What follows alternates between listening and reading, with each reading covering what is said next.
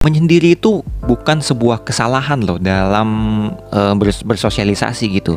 Maksud gue kayak gue ngerti manusia itu makhluk sosial bener. Lo nggak akan bisa hidup sendiri iya. Tapi yang gue mau ngomongin atau yang mau kita angkat bersama ini bukan lu yang selalu dalam hidup lu itu menyendiri mulu enggak tapi adalah me time yang mau gue omongin. Seberapa pentingkah me time dalam hidup lo gitu, terutama nih anak-anak muda nih.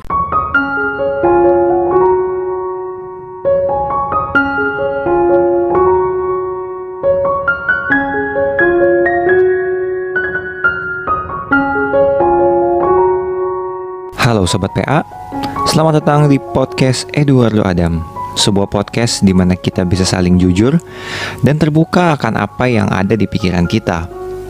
Tanpa takut dijudge oleh siapa pun karena basicnya di podcast ini semua bisa diomongin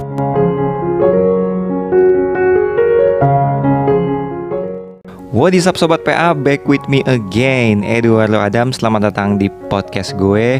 Gimana nih, udah masuk hari ketiga long weekend ya.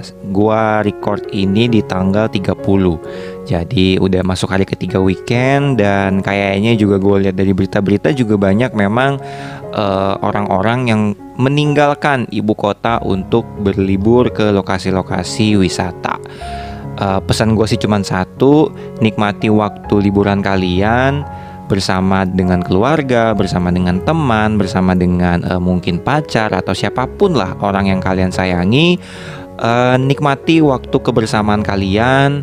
Sebisa mungkin jangan ngomongin kerjaan atau ngomongin hal-hal yang memang dirasa itu bisa mempengaruhi mood berlibur kalian gitu. Kecuali memang uh, kalian bisa mengemas obrolan itu menjadi lebih santai atau mungkin juga itu merupakan strategi kalian untuk misalnya mungkin ngajak pasangan atau keluarga untuk berlibur sembari disisipin di tengah-tengah itu meng, uh, ngomongin obrolan yang cukup serius gitu. Biar suasananya tuh nggak hiruk pikuk di tengah ibu kota yang ngasih tapi tetap ingat kita masih dalam masa pandemi ya kan? Tetap uh, yang terpenting jaga kesehatan itu yang paling penting. Minum vitamin makan sayur buah. Pikiran jangan stres-stres banget ya kan? Terus juga yang terpenting juga selain menjaga kesehatan yaitu kalian bisa tetap pakai masker rajin cuci tangan dan yang paling penting itu adalah uh, mencintai diri kalian sendiri. Itu yang paling penting. Jadi uh, di podcast episode kali ini gua mau ngomongin suatu cerita yang udah dikirimin sama salah satu sobat PA. Kita samarkan aja namanya Mega ya. Mega ini seorang perempuan dan dia bilang bahwa uh, dari cerita yang udah gua baca sih, gue bisa menyimpulkan bahwa Mega ini sebenarnya pribadi yang ceria, pribadi yang periang gitu kan dan dia punya uh, sedikit cerita yang mau dia bagikan ke kita mengenai keluarga dan juga kehidupan pribadi dia bersama dengan uh, pasangannya yang sekarang sudah tidak lagi menjadi pasangannya alias udah putus ya kan? Uh, ini sebenarnya a little bit toxic sih ceritanya ya. Bukan cerita sama pasangan ya pasangannya juga sih a little bit toxic. Orang tuanya juga gitu kan. Cuma dia berusaha untuk menceritakannya uh, bukan cuma dari sisi dia pribadi tapi dia mencoba untuk memahami dari uh, lingkungannya gitu jadi dia cerita bukan cuma sekedar dia cari salah benar tapi dia memang pure mau curhat dan ya biar mungkin kalian atau mungkin gue pribadi juga bisa mendapatkan ya sedikit insight lah mengenai uh, kehidupan kehidupan dia. Oke, okay? jadi langsung gue mulai aja.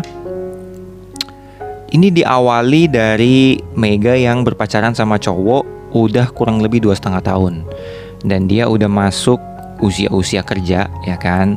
Kebetulan nih dia terlibat dalam satu proyek bareng sama pacarnya tapi beda kantor gitu. Nah si cowok ini bekerja di sebuah agensi dan ceweknya ini di kantor sebuah brand gitulah yang gak usah gue sebutin namanya kayaknya cukup gede juga soalnya.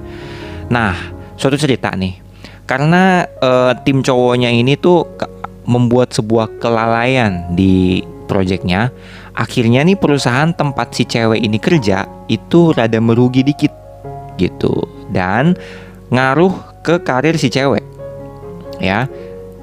Pengaruhnya apa nih? Pengaruhnya itu adalah si cewek ini sebelumnya udah dijanjin promosi naik jabatan. Kalau misalnya uh, goals dari apa pekerjaan barengan sama si agensi si cowok ini berhasil, dia bisa naik jabatan. Nah, tapi ke pending gara-gara ulah si cowoknya. Ya sampai situ ya. Nah, padahal bertepatan ayah aku ulang tahun mau aku kasih hadiah lah. Akhirnya impian itu harus aku pendam dan bukan sampai situ aja.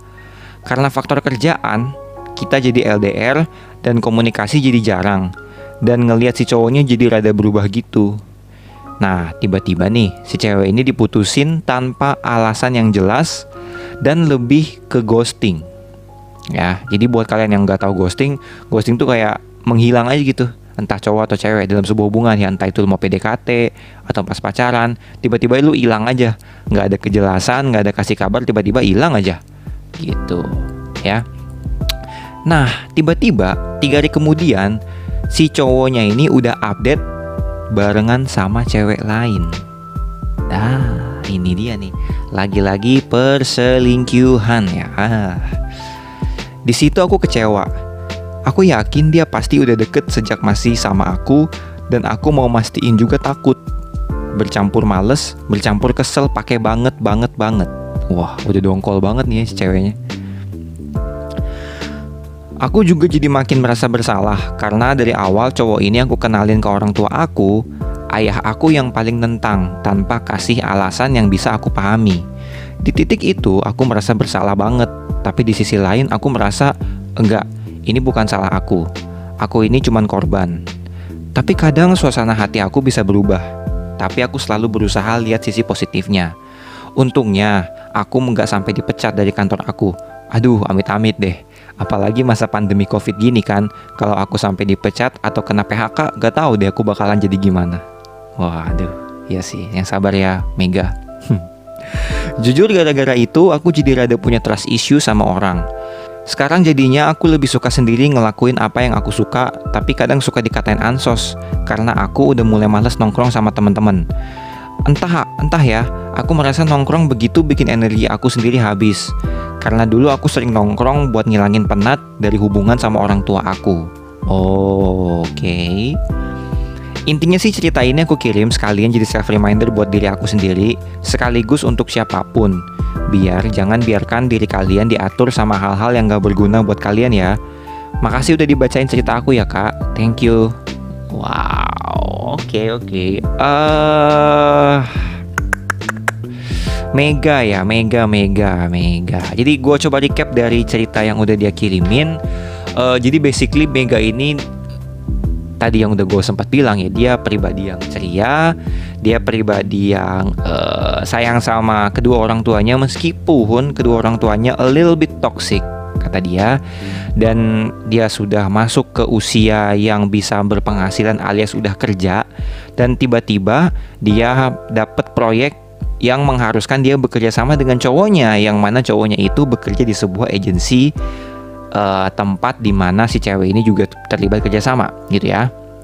Nah permasalahannya ada ketika memang uh, si cowok ini lalai dalam sebuah pekerjaan ada masalah lah di pekerjaannya kan sehingga si ceweknya ketiban dalam tanda petik ketiban sial kali ya akhirnya promosi yang dia udah dapet itu jadi kepending. Dan padahal si cewek udah merencanakan bahwa uh, ketika memang promosinya dapet kan akhirnya dia akan naik gaji.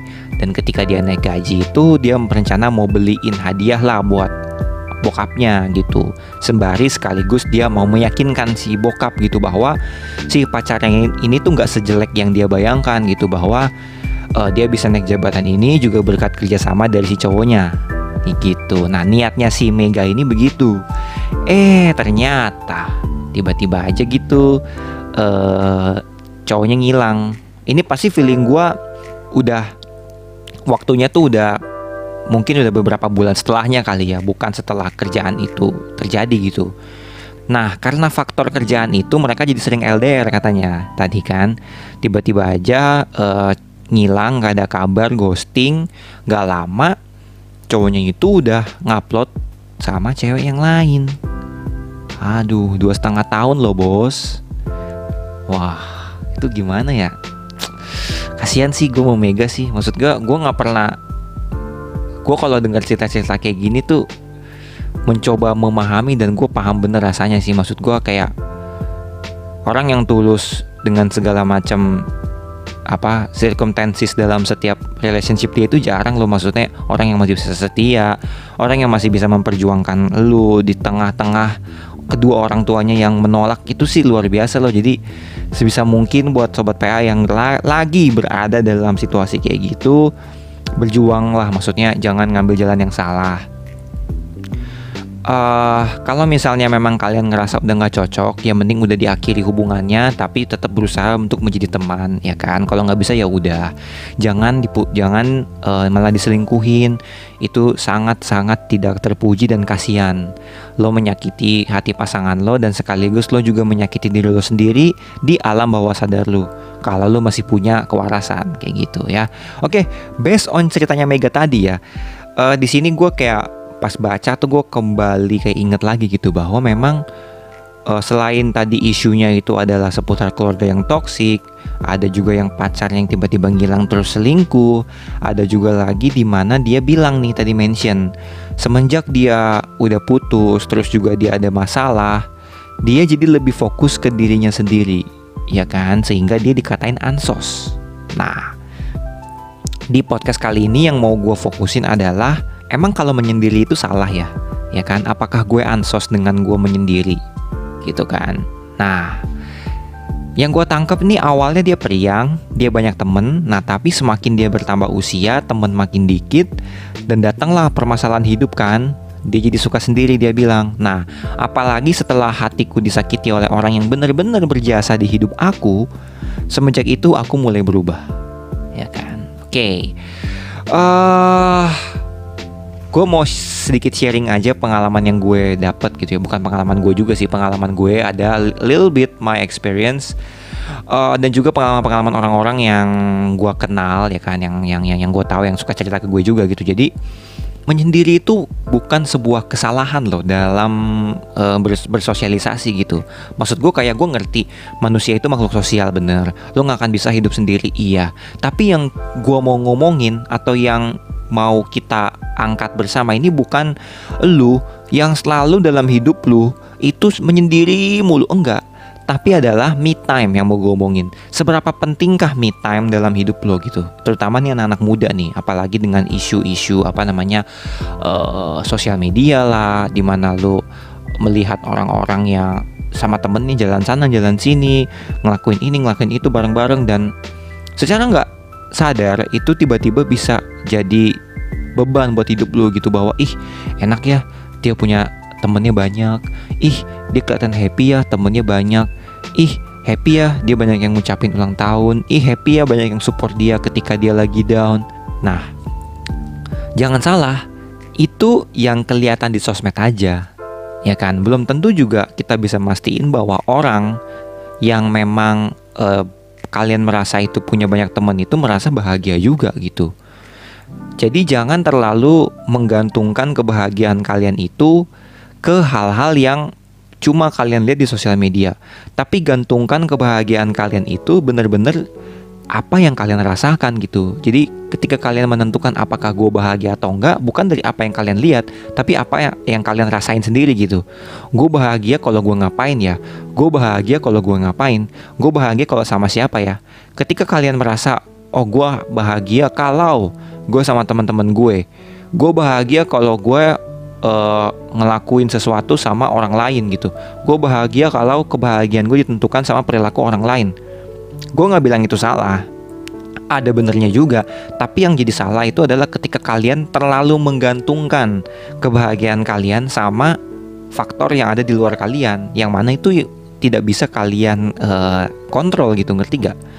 Kayak orang kan masih suka skeptis gitu. Orang masih bisa ngeliat kayak ih ini orang makannya kok sendirian? Ih dia nontonnya sendirian? Ih jalan-jalan di mall sendirian? Lah emang kenapa? Lu pasti kalau misalkan lu lihat orang kayak gitu pasti dibilang gak bisa bergaul atau ansos atau lu nih termasuk dalam golongan anti sosial sosial club maksudnya emang salah kayak gitu? Maksud gue kayak selama kalian bisa produktif selama kalian bisa uh, mencari hal yang positif dalam diri kalian sama selama kalian happy dengan itu ya ya just do it gitu. Gak usah dengerin kata-kata orang. Apalagi tadi Mega cerita kan semakin dia mencoba untuk bergaul sama orang lain maksudnya um, hang out sama yang yang teman-temannya di dalam dia tuh dia ngerasa kalau dia itu jadi capek gitu. Energi dia kayak habis dan dia nggak merasa kayak kebahagiaan itu dari setiap masalah dia itu ter, tersalurkan dengan dia hangout sama teman-temannya gitu. Ya, jadi buat apa kalian melakukan sesuatu cuma biar dicap nggak nggak lonely gitu kan? Akhirnya kalian melakukan sesuatu yang nggak diri kalian gitu. Buat apa? Apa gunanya gitu? Nah, gue sampai sempet ngeriset ya artikel manfaat menyendiri. Ini gue ngeliat dari uh, jurnal seorang dokter ya. Dia bilang bahwa manfaat menyendiri itu yang pertama meningkatkan konsentrasi dan memori, ya kan? Bener banget gitu. Jadi memang kadang ada beberapa orang yang ini terlepas dari dia ekstrovert atau introvert ya. Karena kan banyak sekarang orang yang men self proclaiming ya self proclaim bahwa oh gue ini ekstrovert, oh gue ini introvert dengan mudahnya gitu kayak yang gue lihat. Bahkan sebenarnya faktanya yang gue tahu nih orang sebenarnya uh, kebalikannya gitu kan. Nah, manfaat lu me time itu apa? Meningkatkan konsentrasi dan memori. Lu jadi fokus dengan apa yang lu jalani selama ini gitu. Lu bisa flashback lagi ke masa-masa di mana, oh, gue nggak pernah ngelakuin ini loh pas sama teman-teman gue. Sekarang gue jadi bisa ngelakuinnya. Apa pun itu hobi lu mungkin, ya kan? Nah, yang kedua lu jadi bisa makin fokus. Karena lu konsentrasi lu bisa makin fokus. Lu mungkin hobi masak, lu bisa masak mungkin Mega kalau kamu denger ya cie. Lu bisa fokus masak lu mungkin uh, yang pengen punya badan ideal lu bisa fokus pada olahraga ya kan menjaga bentuk tubuh. Lu pengen fokus untuk mungkin makan makanan sehat lu pengen fokus untuk uh, jadi VG vegetarian. Lu bisa fokus ke situ. Atau mungkin kalian yang sayang dengan keluarga tadi kayak Mega lu bisa fokus memperbaiki hubungan dengan keluarga kalian. Mungkin aja nih Mega gue bukannya bermaksud so tau ya. Mungkin aja uh, uh, lu ngerasa kayak orang tua lu lebih toksik gara-gara lu ngeli pacaran sama si cowok itu gitu. Kemungkinan kemungkinan. Kita kan nggak pernah tahu. Nah mungkin dengan uh, long weekend kali ini dan mungkin lo juga udah putus ya saran gue sih udah putus aja kali ya. Udah ghosting cheating pula. Udah kelawat aja di cowok kayak gitu ya. Lu bisa memperbaiki lagi hubungan lu sama keluarga lu. Lu mungkin bisa ngobrol lagi hati ke hati santai gitu kan. Apalagi long weekend mungkin lu bisa mikirin lagi kesukaan bokap lu tuh apa nyokap lu apa sambil bisa lu ngobrol uh, soal kerjaan lu soal uh, pergaulan lu gimana. Jadi lu bisa ada quality time lah sama bokap nyokap lu. Dan kadang mungkin kalau gue bisa kasih saran mungkin bokap nyokap lu kemungkinan begitu karena bokap nyokap lu tuh sayang banget sama lu gitu. Nyokap bokap lu tuh ngerasa kayak ini anak gue cewek gue nggak tahu ya lu anak tunggal atau punya saudara tapi mungkin uh, bokap nyokap lu tuh sayang lu sebagai cewek dia gak rela anaknya cewek dipacarin sama cowok yang orang tua lu tuh ngerasa nggak nyaman gitu. Jadi kemungkinan sih orang tua lu merasa begitu. Mungkin coba lu make sure lagi gitu. Perasaan bokap nyokap lu kayak apa gitu. Oke. Okay? Nah, manfaat yang ketiga itu lu bisa meningkatkan kreativitas. Lu dari dari hobi tadi lu bisa uh, menghasilkan sesuatu gitu ya kan? Entah lu bikin-bikin sesuatu kek lu bikin-bikin apa mungkin sekarang di Instagram konten di Twitter mungkin lu bisa jadi apa di YouTube mungkin di podcast mungkin banyak yang bisa lu salurkan lu ngelukis mungkin lu membuat sebuah DIY DIY yang ya udah kecil-kecilan tapi lu happy ya kan sembari mengisi waktu me time long long weekend. Nggak selamanya long weekend lu harus nongkrong di uh, coffee shop, nongkrong di uh, taman mana ya kan, apalagi lagi pandemi gini, keluar-keluar sembarangan juga daripada uh, itu mendingan lu di rumah ya kan. Me memperkaya diri lo sendiri lah atau mungkin lo yang, lo yang suka drama lo bisa nonton drakor gitu misalnya ya kan?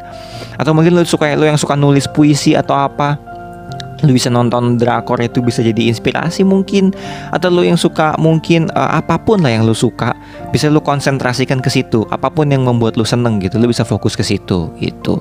Nah yang terakhir lu akan jadi bisa lebih empati sama orang-orang di sekitar lu yang sayang sama lu. Sama kayak tadi gue bilang lu mungkin uh, terbutakan gitu dengan cinta, dengan pekerjaan, dengan diri lo sendiri tanpa lu sadari bahwa orang-orang terdekat di circle lu, which is itu adalah keluarga lu, itu sebenarnya sayang sama lo, tapi lo nya nggak perhatian sama mereka gitu. Lo lebih perhatian sama orang-orang yang uh, baru datang di hidup lo dua setengah tahun belakangan yang mana itu adalah mantan lo gitu padahal bokap nyokap lo kan ngebesarin lo uh, tahu yang terbaik buat lo meskipun memang gue tahu omongan ini akan sulit diterima buat lo karena gue akan terdengar seperti cowok yang so tau tapi believe me, coba lu pertimbangkan dulu omongan gue ini bener atau enggak. Kalau misalkan salah, ya udah nggak usah didengar. Tapi kalau misalkan bener, coba lu uh, cari tahu dulu lah. Seenggaknya lu dengerin dulu hati ke hati apa kata bokap nyokap lu selama ini. Lu bisa membuka dengan mungkin lu minta maaf dulu kalau lu selama ini udah ya mungkin nggak dengerin mereka. Lo terlalu sibuk dengan pekerjaan lo terlalu sibuk dengan kehidupan sosial lo sama teman-teman lo sama mantan lo sehingga lo nggak dengerin kata-kata bokap lo gitu kan. Mungkin memang bokap lo a little bit toxic kayak selama ini mungkin nggak pernah terlalu peduli sama lo tapi ketika lo punya pasangan yang mana itu lo ngerasa bahwa oh ini yang terbaik buat gue karena lo ngerasa lo udah dewasa gitu. Tapi satu sisi juga bokap nyokap lo juga udah lebih punya pengalaman dalam hidup sehingga uh, pendapat mereka itu berhak untuk didengarkan. Memang sih ini ribet gitu karena selama lo hidup dan ketika lo udah bertumbuh dewasa dengan mas banyaknya insight-insight yang lo dapet, lo nggak merasakan bahwa bokap lo itu peduli sama lo. Tapi ketika lo punya pasangan, tiba-tiba aja bokap lo jadi lebih care dan mungkin care ke lo dengan cara yang salah atau dengan cara yang nggak bisa lo terima gitu kan, sehingga lo berpikir bahwa ini apaan sih nih orang? gitu. Dulu-dulu ke mana aja? Kenapa sekarang tiba-tiba lo peduli sama gue? Kasarnya gitu lah ya kasarnya gitu uh, kalau misalkan lo punya pemikiran kayak gitu tadi kembali lagi gue bilang gitu coba lo jernihkan dulu pikiran lo coba lo bersihkan dulu situasi dalam rumah lo gitu. Karena menurut gue peperangan dengan orang tua itu sesuatu hal yang tidak harus terjadi sih. Kalaupun memang itu harus terjadi ya itu bukan peperangan yang harus dimenangkan menurut gue sebagai orang yang memang juga mengalami hal seperti itu gue bisa kasih advice buat lu bahwa ya udah diemin aja gitu terima aja. Kalau memang ternyata emang bokap lo toksik ya kan? Memang udah pendiriannya begitu mau diapain? Tapi memang kalau bokap lo toksik karena alasan karena lu pacaran sama cowok itu ya lu bisa memperbaiki sifat bokap lo itu. Dengan cara ya itu lu ngobrol lu spend time bareng sama dia lu ngobrol hati ke hati lu sampein uh, perasaan lo lu say sorry bahwa lo salah juga lu bilang coba mengerti diri lu sebagai anak lu juga nggak mm, punya pengalaman dalam hal itu ya dengan begitu uh, rasa saling apa ya rasa saling menghargai dan pengertian itu akan terjalin dengan sendirinya kalau menurut gue sih. Jadi kembali lagi gue bilang take your time. Coba lu pikirin lagi uh, diri lo sendiri. Lo bahagia atau enggak ya kan? Dengan terlepas dari bayang-bayang cowok lo itu lo ngerasa kayak oh beban gue satu udah hilang nih cuy dan akhirnya lo bisa menyusun lagi puzzle-puzzle dalam hidup lo yang udah ter udah sedikit banyak udah hancur ya kan? Lo bisa fokus ke pekerjaan lo lo bisa fokus ke kesenangan lo sendiri dan yang paling penting lo bisa fokus ke keluarga lo yang mana tadi lo bilang meskipun bokap nyokap lo itu toksik tapi lo tetap masih sayang sama mereka ya lo bisa mulai dari situ gitu. Lo bisa mulai dari situ. Jadi ya dari cerita Mega ini juga gue kembali ini ya mikir lagi bahwa memang nggak gampang sih. Maksudnya di usia-usia yang memang lo ngerasa kayak lo itu sendirian dan lo ngerasa kayak orang-orang di sekeliling lo juga nggak peduli sama lo. Dengan lo bikin podcast kayak gini dengan lo kayak share cerita lo ke gue ya kan ke podcast Eduardo Adam dan lo ngerasa kayak ya dengan lo cerita itu bisa bikin lo jadi lebih baik ya why not gitu kan? Semoga sih uh, apa yang gue ngomongin barusan uh, sedikit banyak bisa ngebantu ya ataupun kalau nggak ngebantu at least bisa bikin lo plong dulu lah ya. Apa yang memang lo dengerin bisa berguna buat lo ya lo dengerin. Kalau enggak juga ya udahlah gitu kan. Ya itu aja untuk podcast episode ke-14 kalau nggak salah ya. Kembali lagi gue recap gue ingetin bahwa sendiri itu nggak masalah me time itu nggak masalah. Jangan takut lo dijudge uh, ih Jonas ih uh, ansos. Ih nggak punya teman dasar. Enggak. Yang paling tahu diri lo itu diri lo sendiri gitu.